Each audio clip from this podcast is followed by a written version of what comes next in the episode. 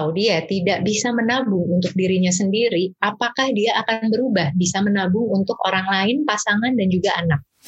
Biasanya apa sih menurut kamu nih Alia yang fundamental banget, penting banget untuk dibicarain dari saat misalnya hmm. statusnya masih pacaran menuju ke jenjang yang lebih serius? Yeah kamu nggak bisa ngomongin uang dengan orang lain tanpa you be honest with yourself.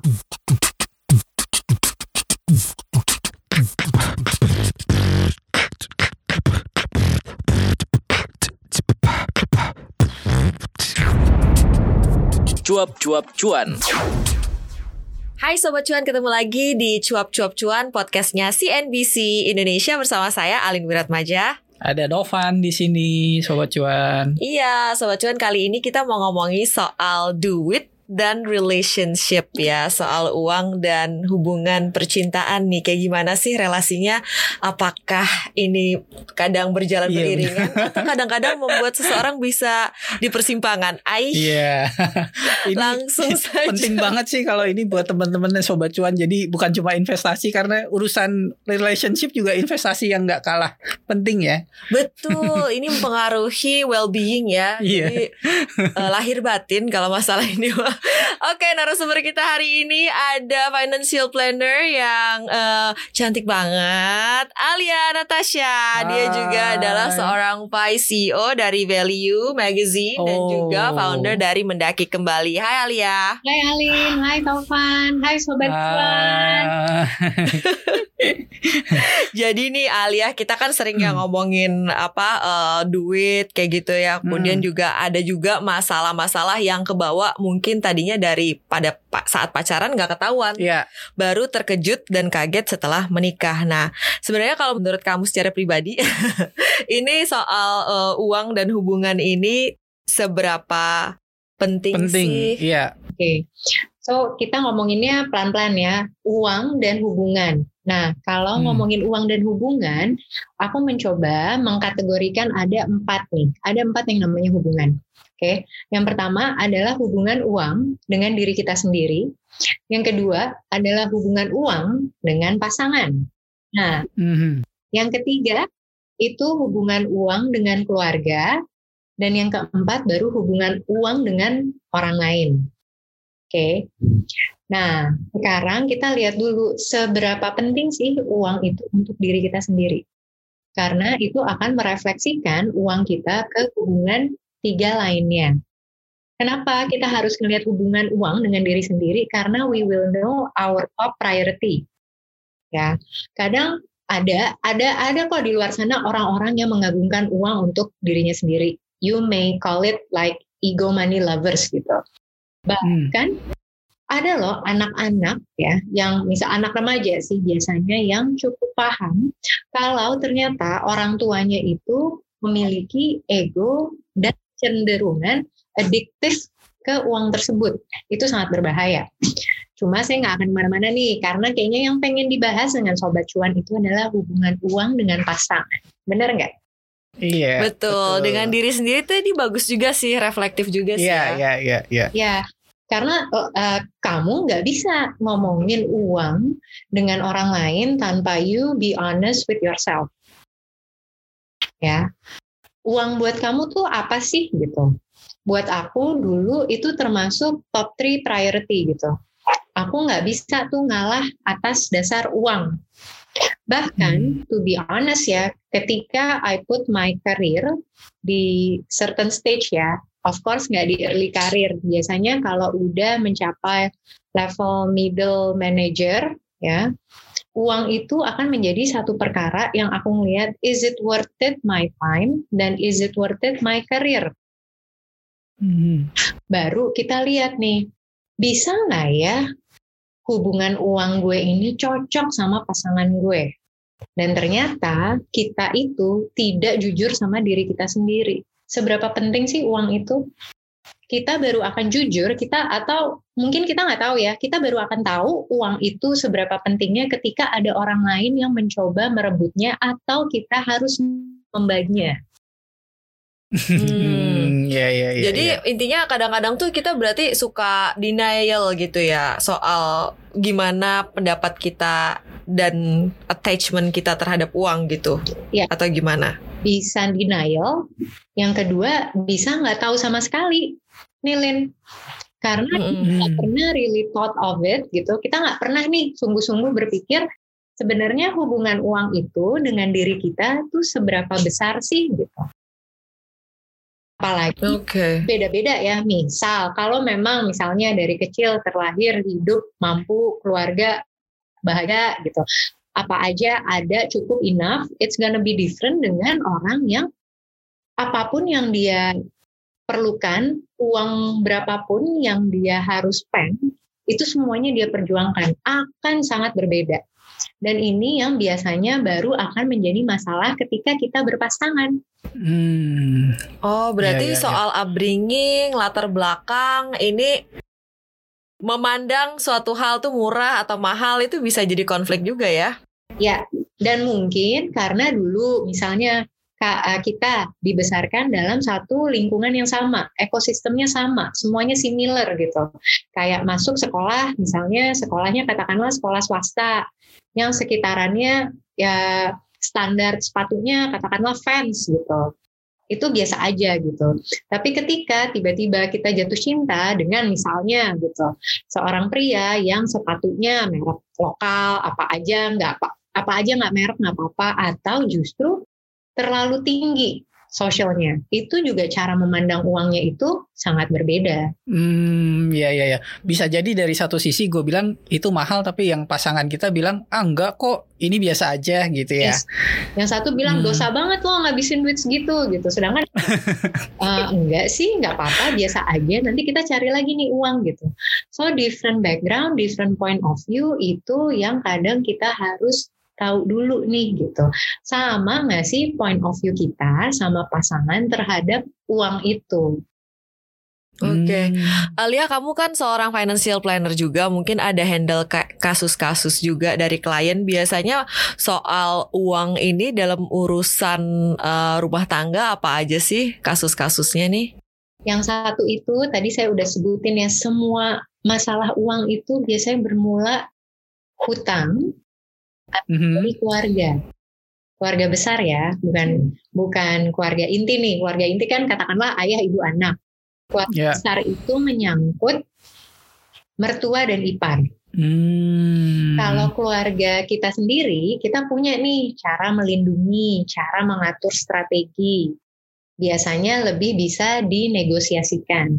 Tapi ketika uang itu udah menyangkut keluarga besar, kamu bisa aja tuh tiba-tiba nggak nggak kenal lagi gitu dengan kakak kamu yang tadinya kamu pikir enggak ah dia baik, dia royal, dia ini gitu.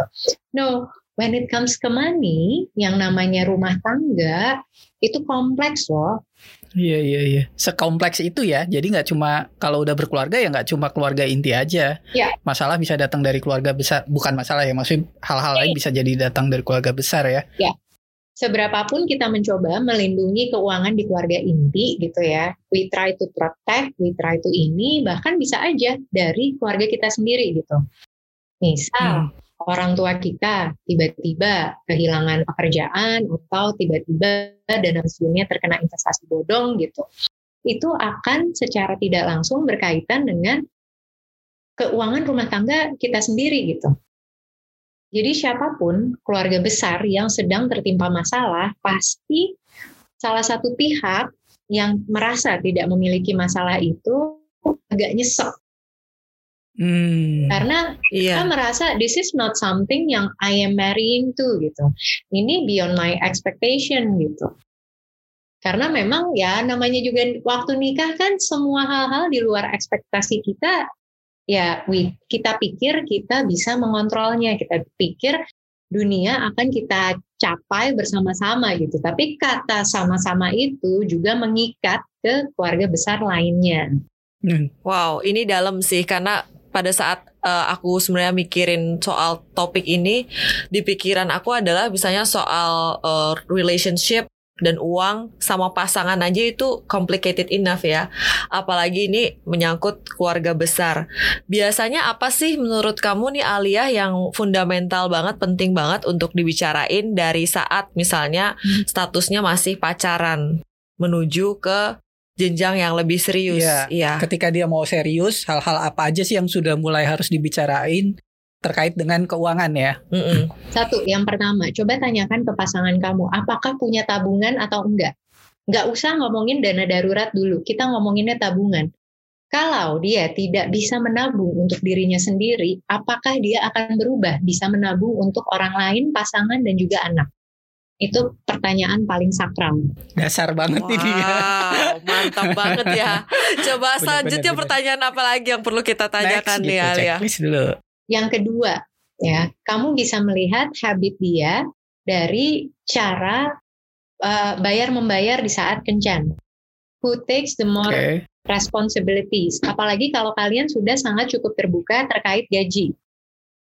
Mm-hmm. Apakah gaji besarnya juga menentukan uh, kemampuannya dia untuk ikhlas membayarkan kamu atau tetap dipotong-potong? Atau kalian juga bisa nanya nih, uh, kalau nanti kita menikah akan seperti apa sih hubungan uang kita? Atau ya dari sekarang ini gitu, boleh nggak? Kalau memang kita ke arah sana, kita sama-sama nih saling terbuka dari masalah gaji, ya kan? Yang kedua, masalah bayar-bayaran. Hmm. Kalau kalian tidak membiasakan diri di selama masa pacaran, ya, ketika menikah itu akan menjadi satu lompatan yang besar. Ya. Bisa aja, oh ya karena kita nggak pernah ngebicarain ini sebelumnya dan merasa nyaman dengan kondisi kita seperti pacaran, semua akan berlangsung seperti pacaran. Tapi biasanya nanti perempuan merasa, kok aku tidak merasa dinafkahi ya? Bukannya seharusnya dia sadar sendiri ya? No, marriage itu kita menikah bukan dengan peramal. yang bisa baca pikiran kita gitu ya. ya, ya jangan, jangan lo harap orang yang paling mencintai diri lo itu bisa membaca pikiran lo dengan benar. Ya. Tetap aja lebih baik diomongin ya. Karena gengsi itu tidak akan menemukan solusi. Gak ada solusi di dalam gengsi. Wow, dalam banget ya. Jadi uh, oke okay, itu tadi perlu dikomunikasikan. Nah kalau misalnya masih dalam tahap pacaran nih, udah cinta banget, tapi setelah diinvestigasi diulak-ulik soal keuangannya calon mm -hmm. suami ini misalnya nih, apa mm -hmm. sih yang kita harusnya berpikir ulang banget kalau sampai kita nemu warning signs-nya gitu loh? Oke, okay. ketika kita menemukan warning signs, I think ya it's better, apalagi buat perempuan nih ya, beranikan diri untuk bertanya. Hmm. Dengan keadaan kondisi keuangan kamu yang seperti ini, katakanlah misalnya punya hutang cicilan, kredit, kartu kredit, atau pinjaman online, kamu tanya deh ke dia, bagaimana cara kamu akan menyelesaikannya? Solusi kamu apa sih? Kalau dia memiliki jawaban atas solusi itu, ya, dan tanggung jawab moral untuk melunasinya, warning lightnya itu oke okay lah, boleh di, di, dikondisikan. Mm -hmm. Tapi kalau dia tidak memiliki jawaban, tidak memiliki tanggung jawab, aku tuh tidak begitu percaya ya dengan orang akan mau berubah. Oke. Okay. Dan kalau lo cinta banget sama pasangan lo, tanya ke diri lo, apakah lo siap menanggung beban ini? Karena yang namanya hutang, jika dia sendiri tidak tahu solusinya, berarti there should be someone else yang akan fix hutang ini. Yang harus menyelesaikan hutang ini yang ikut menanggung gitu ya. Yes, dan kalau hmm. sudah di dalam pernikahan tanpa adanya prenuptial ya pasti pasangannya. Hmm. Wah, coba sekarang dari sisi cowok nih ya, ya pertanyaannya ya, nih. Ya. seberapa harus mulai maksudnya si cowok nih seberapa harus mulai uh, terbuka soal income-nya. Kadang kan cowok ya agak gengsi lah ya. untuk mulai membuka, untuk mulai bahwa uh, gue dapat gaji sekian atau penghasilan gue sekian gitu. Nah, kalau bagaimana caranya supaya uh, si cowok ini mulai uh, terbuka artinya pada poin apa dia mulai terbuka mengenai pendapatan, mengenai apa yang dia punya gitu. Ketika kamu sudah yakin kamu mau menikahinya dia. Hmm. Kenapa? Karena sayang sekali namanya informasi itu mahal, jangan diumbar apalagi kalau ujungnya jadi mantan. Iya. Yeah. yang ada dia yang nyebarin ya. gaji segitu doang nanti kayak gitu. Yeah. ya kan? Ya tapi makanya you will never know kan apa yang ada di kejadian gitu. Yeah. I think kalau kita dalam pacaran yang hubungannya serius ya, apalagi mengenal pasangan, kita akan saling menghormati walaupun misalnya udah putus gitu. Toh ketika kita putus pun tiga tahun kemudian pasti angka nominal gaji kita insya Allah berbeda ya. Iya iya. Nah, gimana sih ciri-ciri nih mungkin ada sobat cuan yang masih jomblo gitu. Ciri-ciri gimana sih cewek yang bisa ngatur keuangan? Dilihat dari apa sih ketika bisa nggak sih ngebaca ketika masih pacaran? Oh ternyata ini cewek jago banget nih ngelola keuangan wah sisi bapak-bapak mau nyari pasangan yang gimana sih ciri-cirinya wanita yang bukan berarti mau nyari lagi ya? Enggak ya tapi maksudnya buat yang masih belum ya. Iya gitu. ya, itu sih sesimpel cukup nanya aja sih gitu. Apakah hmm. kamu memanage keuangan kamu apa apa sih yang kamu lakukan kamu udah ada budget belum? Sesimpel itu aja sih. Hmm. kenapa gitu? Kadang aku ngeliat ya karena dulu misalnya aku kerja di dunia perbankan gitu. Bahkan orang yang kita percaya misalnya sebagai bendahara satu departemen nih gitu misalnya ada acara dia ngumpulin duit gitu karena dia really good at money belum tentu dia really good at managing personal finance-nya. Amazing kan Oh. Iya, iya. Jadi kalau buat cewek cukup ditanya soal budgetingnya kayak gimana sih gitu ya. Ini cowok gitu ya untuk cari iya. tahu soal ceweknya gitu. Tanyanya gini aja lah. Kamu punya budget atau enggak? Yang kedua, uh, kamu suka bayar pakai kartu kredit atau enggak? Pertanyaan-pertanyaan simple aja dibawa seneng gitu. Kalau lagi pacaran, jangan kayak lo ada utang nggak gitu. Jangan diinterogasi juga. Yang ada. Uh, lo lagi nyari uh, finance accounting atau lagi mau nyari pacar apa pacar nih gitu. atau kadang kita cowok kan ngelihat penampilannya dulu, aduh berat cuy cuy ininya gitu ya iya suka kan kadang-kadang kayak gitu kan kayaknya Tuan ya uh, padahal mungkin ceweknya nggak matre mungkin yeah. ya tapi cowoknya minder duluan kayaknya high maintenance nih gitu Ya high maintenance tapi kalau dia running duitnya dengan benar kan mestinya cowoknya juga yeah. kecipratan ataupun termotivasi. Yes. Jadi jangan dilihat dari luarnya aja sebaiknya sih ya. Yes, yes. Beneran tanya aja hmm. gitu. Kalau memang dia kelihatan high maintenance, aku malah penasaran gimana caranya lo memaintain semua pengeluaran lo. itu pertanyaan dari sisi positif ya. Coba lu tanyain gimana dia dengan pendapatan segitu bisa high maintenance. Siapa tahu investasinya oke okay, gitu kali ya. Yes. iya. Nah, kemudian soal ke masuk ke pengaturan keuangan keluarga nih, Al. Yeah. Suka kan kita ngomong kayak kalau istri ini uang aku, uang aku, mhm. uang suami, uang aku juga. Atau misalnya soal bagi-bagi siapa yang bayar bills, mhm. kemudian yeah. setiap family kan pasti ada pengaturan beda-beda kan. Ada yang misalnya, oke okay, kamu bayar segini, aku bayar segini, kita chip in masukin satu akun dari akun rekening ini kita bayar bills. Ada yang bagi billsnya aja langsung. Kamu bayar ini ya, aku bayar ini ya, yang sisanya masih ada freedom buat masing-masing kayak gitu. Atau diserahkan kepada salah satu sebagai menteri keuangan. Kayak gimana sih Al? Sebaiknya nih Al? Sebenarnya ya itu tergantung lagi ya, tergantung tadi yang aku bilang background dari pasangan masing-masing. Tapi sekarang ini makin aku banyak temuin terutama untuk yang pasangan double income, baik perempuannya ataupun prianya ini dua-duanya bekerja ataupun uh, berbisnis. Mereka cenderung tetap memisahkan account personal mereka dan mereka punya satu account yang didedikasikan memang untuk expenses atau apa yang ingin mereka bangun. Kenapa? Karena ternyata ya pasangan yang aku temuin ini old millennials ya, jadi 30-an ke atas nih biasanya. Buat mereka privacy and independence itu sangat penting.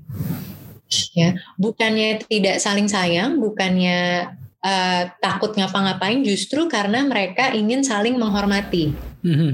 hmm. jadi itu yang harus bisa diterima jadi semakin aku menyadari bahwa oh ternyata banyak juga ya pasangan yang udah open minded tapi akan sangat berbeda jika hanya dari single income. Oke. Okay. Ya, ketika kita berbicara tentang single income, biasanya income kan datangnya dari breadwinner dan most of breadwinner ini adalah pria. Pria itu tertekan dengan pressure yang harus uh, dia deliver dia capai, dia beri ke keluarganya. Mm-hmm. Sedangkan si perempuan ini merasa tidak berdaya, tidak memiliki kemampuan untuk turut menghasilkan uang. Oke. Okay. Jadi kadang satu income itu bentroknya adalah di masalah ego dan lagi-lagi ekspektasi. Tapi ya buat sebagian orang it works gitu. Ya mau gimana lagi, gue mengikhlaskan kok gitu. Ada juga yang bisa menerima, oh ya posisi gue di sini adalah sebagai istri yang berbakti dan berperan sebagai ibu untuk anak-anak gue. Apa pun yang ada di uh, meja makan ataupun di kehidupan gue, udah seharusnya gue syukurin. Cuma Nah, ya namanya manusia, ya kan, ngomong gitu. dan keinginan yang nggak ada habisnya gitu. Hmm. Iya. Kemudian gimana sih cara kita ngebangun keuangan keluarga tuh yang sehat gitu? Uh, itu dulu deh Al sebelum aku mau nanya juga nanti soal ketidakjujuran dalam soal finansial nih. Yeah. Oke, okay. sehat itu kan berarti ada hal-hal yang memang sudah diatur, ada hal-hal yang memang sudah diciptakan kekebalannya. Ya, sebenarnya mm-hmm. yang bikin hubungan eh bukan hubungan sorry keuangan dalam rumah tangga itu tidak sehat adalah tidak adanya cash flow tidak adanya oh. aliran uang ya. Jadi hmm. gimana caranya uang itu terus mengalir? Oke, ada nih pos-posnya. Misalnya katakanlah gue udah naro nih gitu. Bayar dana darurat gitu, bayar untuk cicilan sekian, bayar untuk uh, kebutuhan sekian. Tapi ketika aliran itu berhenti mengalir, menyumbat dalam kondisi apa pun itu akan menyebabkan yang namanya tidak sehat. Dan gimana caranya cash flow ini terus mengalir harus ada income, harus ada yang bekerja. Karena cash flow itu mau dalam relationship ataupun untuk our own personal finance itu adalah oksigen. Iya. Oke. Okay. Dan apa hal yang bisa membuat cash flow itu mampet semampet-mampetnya lagi-lagi baliknya ke hutang. Hmm. Yang kedua, kehilangan sumber pendapatan. Kalau pengeluaran yang jauh lebih banyak daripada penghasilan ini kan juga negatif cash flow ya. ya. Ini bisa jadi sumber juga mungkin ya. Ya. Ya, berarti memang income-nya tidak mencukupi, ya kan? Dan cara mendapatkan income agar cukup itu hanya dengan menambah income. Gak ada jawaban lain. Solusinya selain menambah income, menambah hutang lagi. Hmm. Nah, kalau aku mungkin nyambung nih tadi. Sebenarnya ciri-ciri keuangan sebuah keluarga yang sehat itu ditunjukkan dari apa? Apakah uh, tadi kan udah dimention cash flow-nya selalu ada gitu ya. Kemudian selain itu uh, apalagi nih kekebalannya untuk menjaga tadi hal-hal yang kesumbat atau apa gitu-gitu kira. Yang kedua harus memiliki proteksi asuransi. Okay. Karena biasanya kita sibuk mengumpulkan uang, sibuk untuk memperkaya ataupun berinvestasi, tapi biasanya eh, nggak uh, lupa sih berasuransi, tapi agak pelit biasanya. Iya. true, true dan. Ya, banyak yang ya udah, yang penting gue punya gitu. Tapi dengan minimal manfaat, manfaatnya minim, yang seharusnya sebenarnya dia bisa nambah. Gitu. Nah, kadang pikiran-pikiran itulah yang akhirnya justru menguras lagi kan dana yang kita miliki. Nah, yang ketiga yang menyumbat lagi adanya adalah ego dalam berinvestasi. Kan yang namanya dua kepala dalam satu rumah ya biasanya ada yang merasa selalu paling lebih hebat secara tidak langsung. Ya, ada yang mungkin mengatakan uh, gue lebih mampu mengelola dibandingkan diri lo, ada juga yang menahan demi kebaikan. Tapi in the end, makanya tadi saya bilang, pasangan modern yang cukup ideal saat ini itu merespek keuangan dan investasi masing-masing. Dan hmm. termasuk mereka memiliki account investasi yang terpisah.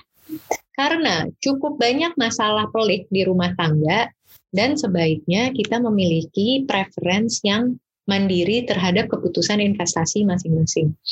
That's why aku juga selalu bilang ke perempuan untuk selalu melek investasi. Kenapa? Karena nggak selamanya suami lo ada di situ bisa ngejawab pertanyaan investasi lo. Begitupun dengan sang suami. Ada juga suami-suami yang kayak, oh ya udah semua udah diatur sama istri gue, gue dapet jatah segini, gue nggak apa-apa gitu. Tapi ketika memang misalnya dijemput oleh ajal gitu, salah satu pasangan ini hilang, ya mereka akan terpaksa baru melek atas kontrol dari keuangan itu. Hmm. Oke, okay. itu ya sebaiknya investasi uh, kita ada dua kepala, jangan satu akun yeah. ya nanti saling menjegal.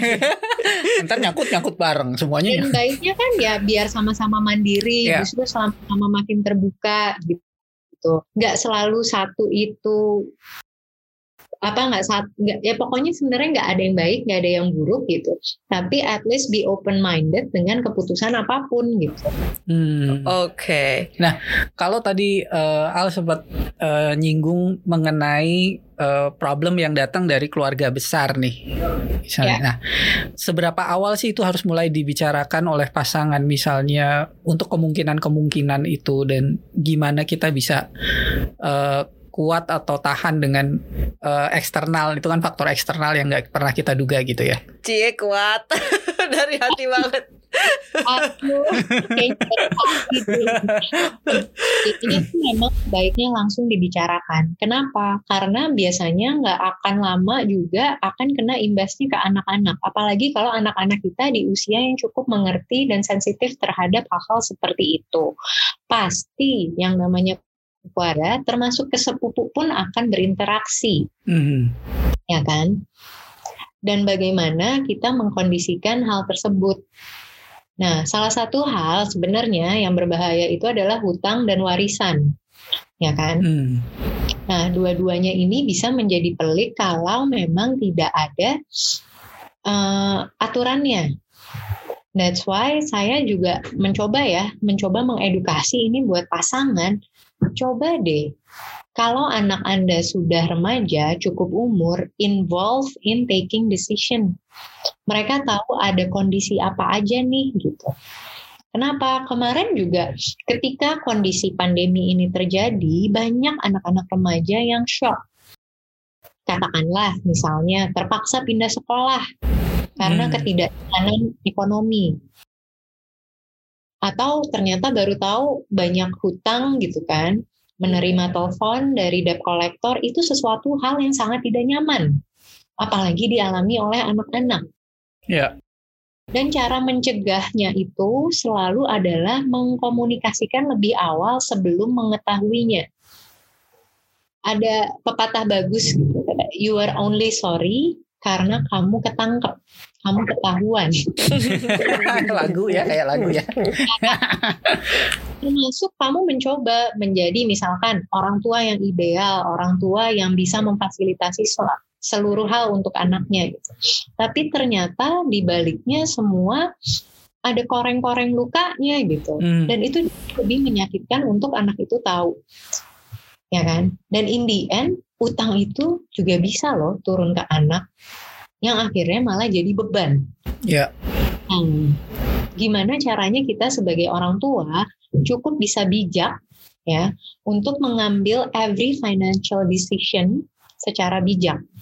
Karena yang matters itu ya adalah konsistensi. Seberapa konsisten nih kita bisa melanjutkan kondisi finansial rumah tangga kita seperti yang ada sekarang ini. Kalau bisa lebih membaik, syukur. Tapi kalau kita harus bertahan, ya kita harus tahan berapa lama nih, gitu. Hmm. Dan hal-hal apa ya yang bisa kita kurangi, kita korbankan sebagai keluarga. Jangan berpikir diri sendiri sebagai ayah saya sebagai istri saja, ibu, kita ngomonginnya sebagai keluarga. Artinya se sebagai keluarga semua setiap keluarga punya peran juga ya untuk bisa uh, ambil part gitu ya. Dan hal apa sih kemungkinan terburuk yang terjadi dengan kamu menjadi jujur? Lebih buruk kalau kamu udah bohong masalah uang dan itu lebih pressure lagi di ujungnya. Hmm. Nah, soal bohong dan kejujuran dalam keuangan suami istri nih. Sering kan bapak-bapak misalnya beli action figure berapa juta, dibilangnya enggak ini cuma 500 ribu doang. Iya. Ibu-ibu ya beli krim muka anti aging berapa juta. Gak taunya dijual istrinya 700 ribu bilang ini untung gitu padahal boncos. nah, gimana sih saat kita tuh masih kayak uh, bohong-bohongnya lucu, mana yang bohong-bohongnya udah bahaya nih gitu kalau buat rumah tangga. Bohong nggak lucu itu ketika kita talks about addiction. Oke. Okay. Oke. Okay. Hal-hal yang udah nggak bisa di stop sama sekali gitu. Ya kalau barang-barang lucu yang kayak tadi Alin sebutin gitu kan kayak action figures gitu itu hanya biasanya ya biasanya hanya barang sesekali saja musiman mm -hmm. dibelinya ya yang nggak lucu itu yang katakanlah belanja apa koin-koin games gitu. Oh, atau ya okay. virtual stuff di game gitu ya? Ya kadang addiction atau ya misalkan kayak hobi hobi hobi mahal yang kita nggak tahu tapi padahal bisa digunakan untuk sesuatu yang jauh lebih bermanfaat nih misalnya buat keluarga kita. Sama halnya misalnya kalau ibu-ibu tuh biasanya sebenarnya bukan anti aging ya yang mereka lagi ini. Suntik langsing gitu buat mereka gitu dan Biasanya tapi justru hobi-hobi aneh ini entah kenapa baik pasangan yang saya temuin itu biasanya memang sudah punya dedicated budget makanya dibilang lucu. Hmm.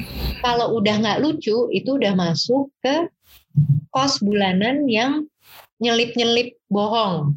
Udah ganggu banget tuh ya cash flow ya. Biasa kan ada nih biaya self reward ataupun biaya jajan. Nah, itu masih budget lucu. Tapi ketika ini masuknya ke fixed cost, kayak misalnya uh, grocery, transportasi, cicilan rumah, suntik sing. Nah, itu udah gak lucu. itu bagian dari kebutuhan pokok berarti itu tadi ya.